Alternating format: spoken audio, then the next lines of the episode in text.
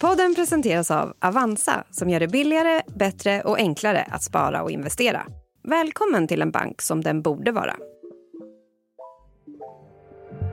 Vi får se vad Essy Klingberg har att säga här. Välkommen. Tack, tack. Kulturskribent. Essy, vad tycker du är lösningen på det här? Va, vad säger du Essy? Alltså, jag är ju en anhängare av 40 minuters metoden. SVDs kulturredaktör Essie Klingberg är ständigt närvarande i debatten. Kändisskap har ju en isolerande effekt och eh, Elon Musk är som ett levande bevis på det. Essie Klingberg, redaktör och skribent på Svenska Dagbladet. Ja, vad är det här? Idén är väl skapad av en människa men den är ju formad av algoritmen.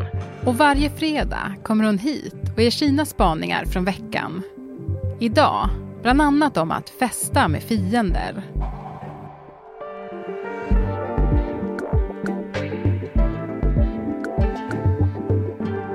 Det är den 23 februari. Det här är dagens story från Svenska Dagbladet med mig, Alexandra Karlsson. Essie, du har varit på fest i veckan. Det har jag. Eh, närmare bestämt Expressens kulturfest som nog är den mest mytomspunna och eh, celebra av alla tidningsfester. Mhm. Vilka är det som går på den då? Jo, på gästlistan så finns inte bara Expressen-profiler utan också programledare, journalister, en och annan politiker, kända författare, kritiker. Så liksom folk som i offentligheten är fiender eh, men som plötsligt ska gå på fest tillsammans.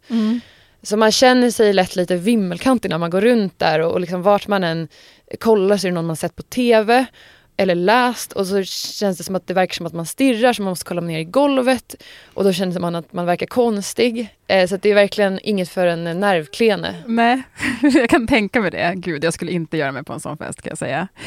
Men du, jag tänkte, alltså, hur har det varit på kultursidorna det här året då? Har det varit extra tufft? Ja, men det har varit extra hårda tongångar inom vissa ämnen i alla fall. Eh, på vägen till festen så funderade jag en del på hur mycket eh, kriget mellan Israel och Hamas har gjort avtryck på kultursidan.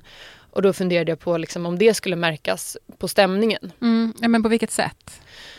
Ja, alltså jag tänker att kulturskribenter har ju en helt annan roll än vanliga nyhetsjournalister eftersom att man ofta skriver kommentarer, man skriver opinionsmaterial. Så kopplingen till Israel-Palestina-frågan blir ju mycket mer personlig. Ja, ja, men precis. Och det är ju inte det enda som man kanske har präglat kultursidan i år. Nej, vi har ju som vanligt haft ett gäng klassiska kulturdebatter. Eh, den största inleddes av GPs litteraturkritiker Mikaela Blomqvist som skrev en text om att svenska författare är för självupptagna. Och hon skrev en text om det där hon använde eh, DNs Patrik Lundberg som exempel, eh, som också är författare. Eh, och hon fick mycket medhåll men också mycket svar från författare som på olika sätt kände sig träffade. Och många kanske tror att kulturdebatten är liksom tuff men schysst men en del konflikter kan bli väldigt infekterade. Hade du någon själv då, som du var lite orolig över att träffa där?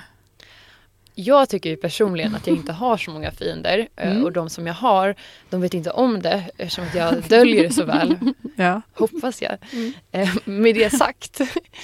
Men En person som jag nyligen replikerat på i tidningen och, och, och nästan direkt stött ihop med eh, var Jens Liljestrand eh, som är Expressen-skribent och författare. Han skrev en text för ett tag sedan om att han i vuxen ålder insett att han inte är likable. Eh, och det gjorde vi ett avsnitt om här. Jajamän. Mm. Eh, Och då svarade jag att men för mig som tjej så känns det helt främmande att gå igenom halva livet utan att fundera på hur man uppfattas. Eh, Men eh, redan innan jag skrev den här texten så eh, hörde jag ändå till gruppen människor som faktiskt gillar Jens Liljestrand, vilket jag tror han vet. Så jag tyckte egentligen att det var bara trevligt att, att catcha upp. Mm. Det var inte så frostigt. Nej, det var hjärtligt mellan er. Ja, men, men många, vill jag verkligen tillägga, har mycket fler fiender än jag.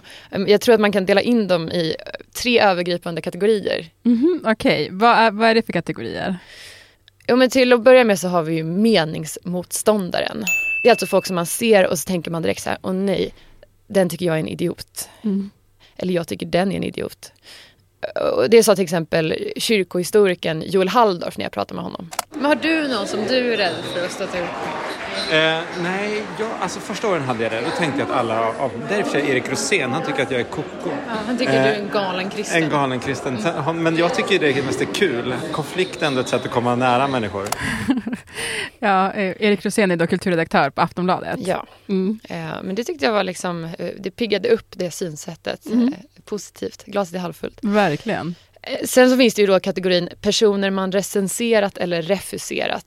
Eh, Jag pratade med Jonathan Brott som är eh, poet och redaktör för en tidskrift som heter L'amour la mort. Vem är du rädd för att stöta ihop med här? Eh, två personer som jag har refuserat till min mycket smala tidskrift eh, som jag är livrädd för att de ska trycka upp mig mot väggen. En utav dem har gjort det redan. Oj, Ja, det, det kan gå vilt till. verkligen. Och det skulle man vilja veta mer om. Men jag får, Ja, precis. Man får vi skriva kan, till honom, vi fråga. kan starta en sån eftersnacksgrupp. ja. Ehm, men, och till den här kategorin så hör ju också kanske folk som man recenseras av om man tänker från författarnas perspektiv. Och sen har vi den sista kategorin och det är tidigare chefer. Här skulle vi haft ett klipp men ingen vågade säga något namn offentligt. Så ja, det får bli en talande tystnad. Mm.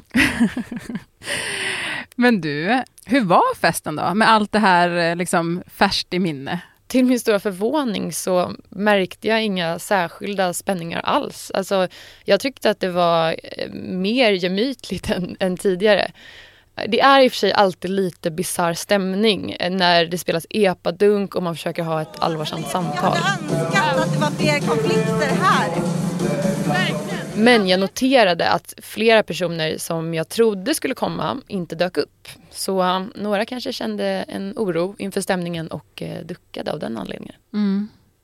Men Essie, allt det här då, vad säger det om kulturmänniskor? Ja, alltså mina empiriska studier visar att de gillar att dricka mer än vad de gillar att debattera. Mm, Okej, de kan prioritera. Och det är alltid fri bar på den här festen, eller hur? Ja, men den stängs under prisutdelningen för att folk ska lyssna. Ja, okej. De vet ändå att det är ett gäng barn de har hand om, så de måste liksom så ha sätta några gränser. Ja. Du, vi lämnar festen, men jag tänker att vi ska stanna kvar i ämnet. För nu är det dags för det här. Veckans spaning. Kommer litteraturen bli ett särintresse? Nu ska vi prata litteratur, Essie. Ja, så kul! Jo, men för jag snackade lite eh, med författaren Jens Liljestrand eh, på den här festen, känd från tidigare i podden. Och eh, han kände en uppgivenhet inför att ingen längre bryr sig om skönlitteratur. Och eh, det här är något jag inte bara hört från honom utan man hör ofta det från kulturskribenter både i, i samtal och i text. Ja, men att så här, romaner gör inte längre avtryck i det offentliga samtalet och att det här hänger ihop med en generell fördumning där färre läser. Och då när jag pratar med Jens då så menar han att ja, men litteraturen snart har ungefär samma status som opera. Alltså att det är något som finns men som få bryr sig om. Han menar faktiskt att vi redan är där. Och jag tycker det är en intressant tanke men jag funderar helt enkelt på huruvida det faktiskt stämmer. Ja, precis. För vad finns det för tecken på att litteraturen håller på att bli ett särintresse för få utvalda? Jo, jag har eh, bedrivit lite personlig forskning, det vill säga eh, DMat olika förläggare på Instagram. Och eh, de delar inte alls den här bilden, även om bokbranschen såklart står inför många utmaningar. Men själva utgångspunkten blir lite lätt nostalgisk, att man längtar till en tid som kanske inte funnits. Men sen är det här också egentligen en fråga i två delar. Den ena handlar om bokbranschen och försäljningen och den andra handlar om litteraturens roll i kulturoffentligheten. Okej, men ska vi börja då med försäljningen? Jo, men eh, rätt nyligen så gick eh, lyssnandet på ljudböcker om den fysiska försäljningen av böcker. Och eh, intäkterna från ljudböcker är ju lägre än, än den fysiska försäljningen. Och den sortens böcker som det lyssnas på mycket är i sin tur främst genreromaner. Och det är alltså liksom deckare eller spänningsromaner, romance. Alltså böcker som kultursidan överlag kanske inte uppmärksammar i någon större utsträckning. Ja, precis. För, för att ni, på kultursidan läser man ju sällan liksom deckrecensioner, utan det är ju en annan typ av kultur som lyfts fram där. Ja, åtminstone i kultursidans recensionsverksamhet. Då är det ju istället litterära romaner som är huvudfokus. Alltså tänk böcker som så nomineras till Augustpriset, Kemiri eller Lena Andersson. Mm. Och vad jag skulle vilja lyfta fram är ju att litterära romaner har en ganska stark särställning på kultursidan. Alltså om man jämför med andra kulturuttryck som till exempel musik eh, så är ju litteraturkritiken själva fundamentet som kultursidan vilar på. Och, och så tycker jag det ska vara. Men den, den, den jämförelsen är också intressant för om man jämför med musikbranschen så har ju litteraturbranschens förändring det senaste decenniet varit mycket mindre. Den är ju ändå sig själv ganska lik. Mm. Men man måste ju komma ihåg att de, de, smala och de breda böckerna ingår i någon mån i, i samma ekosystem. Så folkliga böcker finansierar ju ofta i någon mån den smala litteraturen. Så det är klart att alla påverkas av den här förändringen. Mm. Ja, men jag tänker så här, om, om folkliga böcker finansierar liksom en smal litteratur, så varför är Jens Liljestrand så orolig då? Jag menar, och Kultursidan verkar ju fortsätta hypa den skönlitterära romanen. Jo, eh, ja, men det är ju klart att det går att urskilja en förändring i bevakningen och jag tror att eh, eh, en sån oro handlar snarare om intresset bland oss som övervakar kulturen. Alltså att man riskerar att prioritera ämnen som går hem hos läsarna för att man har alltid ett tydligt kvitto på liksom vad läsarna är intresserade av mm. i läsarstatistiken. Så att man kanske prioriterar sig Love is blind på bekostnad av eh, den litterära kärnbevakningen. Mm. Men och om, om det skulle bli så då, att det var väldigt mycket Love is blind, väldigt lite litterära romaner. Vad skulle det få för konsekvenser? Men doomsday scenario, det är väl att det skulle bli en självförstärkande trickle down effekt. Tänk så här, ja, men för att locka läsare så bevakar tidningarna allt mer dum kultur inom citattecken. Folk blir dummare så bevakningen måste bli ännu dummare så folk blir ännu dummare och så vidare och så vidare. Mm. Men du, är det verkligen dit vi är på väg då? Jag tror ju inte det. Eh, men jag, jag känner väldigt mycket för den här frågan på ett existentiellt plan. Eftersom att jag vill att kultursidan ska ha eh, en relevans för läsare på lång sikt. Typ att min lilla syster som är åtta ska läsa kulturtexter om 20 år och bry sig om dem. Mm. Men jag, jag tänker ofta att kulturjournalistik också lite går ut på att, att övertyga läsaren om att bli intresserad av det som gör en själv intresserad. Eller liksom lura läsaren att, att lära sig något nytt. Som till exempel, jag var ju med här och pratade om den här TikTok-trenden att gå upp klockan tre på morgonen. Mm. Och det var ju liksom en lite witty inramning men, men texten handlade också om hur dygnsrytm hänger samman med klass och social status. Så jag menar, jag vill inte dra den här skarpa gränsen mellan liksom det lättsamma och det eh, svåra. Utan jag hoppas att de kan samexistera. Essie reder ut kulturdebatten. Ja, men nu handlar det om skönhet och den här debatten startades av Erik Galli som ligger bakom den uppmärksammade SVT-dokumentärserien Under kniven. Och nu Essie ska du sammanfatta det här på en minut. Ja, det, det är rörigt, så äh, ja, låt mig försöka. Äh, gör, dig gör dig redo med äh, tidtagaruret. Ja, jag är redo. Är du redo? Jag är redo. Okej, kör. Erik Galli skrev en text om dubbelmoralen i att skönhetsingrepp ses som något fult samtidigt som alla vet att samhället belönar den som lever upp till ett visst ideal. Dessutom är det enligt honom många som skryter om att de inte gör skönhetsingrepp när de i själva verket bara inte har råd. Men debatten kom snarare att handla om huruvida Erik Galli är snygg eller inte. Eh, och här möttes han av hårda angrepp. I tidningen Arbetet så kallades han för benrangel och twink. GP menar att vi älskar snygga men hatar fuskare. Sydsvenskan framhöll att det är fult att tycka synd om sig själv för att man gjort ingrepp. Medan författaren Daniel Sjölin menar att Erik är snygg på utsidan men ful på insidan. Och Aftonbladets Erik Rosén tycker att hela debatten är ful. Wow, Essie. Inte ens en minut. Han ja. Du är han. Yes. Du har 13 sekunder till godo. Oh, Gud. Ja, så jag ska passa på att ställa en fråga då om det här. Ja, men gör det. För jag var så, jag själv varit väldigt, eh, alltså ja. Du märkte när vi förpratade, jag har så mycket att säga om den här debatten. Men jag ska ja. inte säga så mycket, utan jag ska fråga dig. Varför väcker det här så starka känslor? men vi hade en liknande debatt för två år sedan där många kulturkvinnor resonerade kring skönhetskapital och den här slitningen mellan att vara emot ett ideal och samtidigt vilja leva upp till det.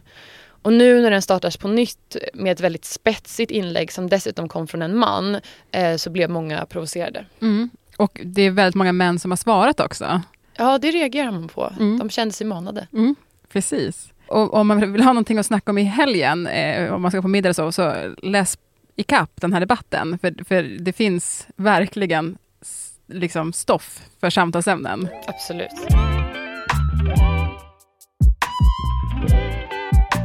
Ja, men, och på tal om helgen, Essie, vad ska du göra? Ja, men jag ska faktiskt eh, ut i en stuga på landet och isolera mig i en hel vecka. Mhm. Och eh, antagligen eh, läsa mycket. Mm. Du ska ha sportlov helt Jag ska ha enkelt? sportlov, eh, men sen kommer jag tillbaka och eh, vill prata om mer kulturämnen. Mm. Det ser vi fram emot. Jag med. Ha en mysig vecka. Detsamma.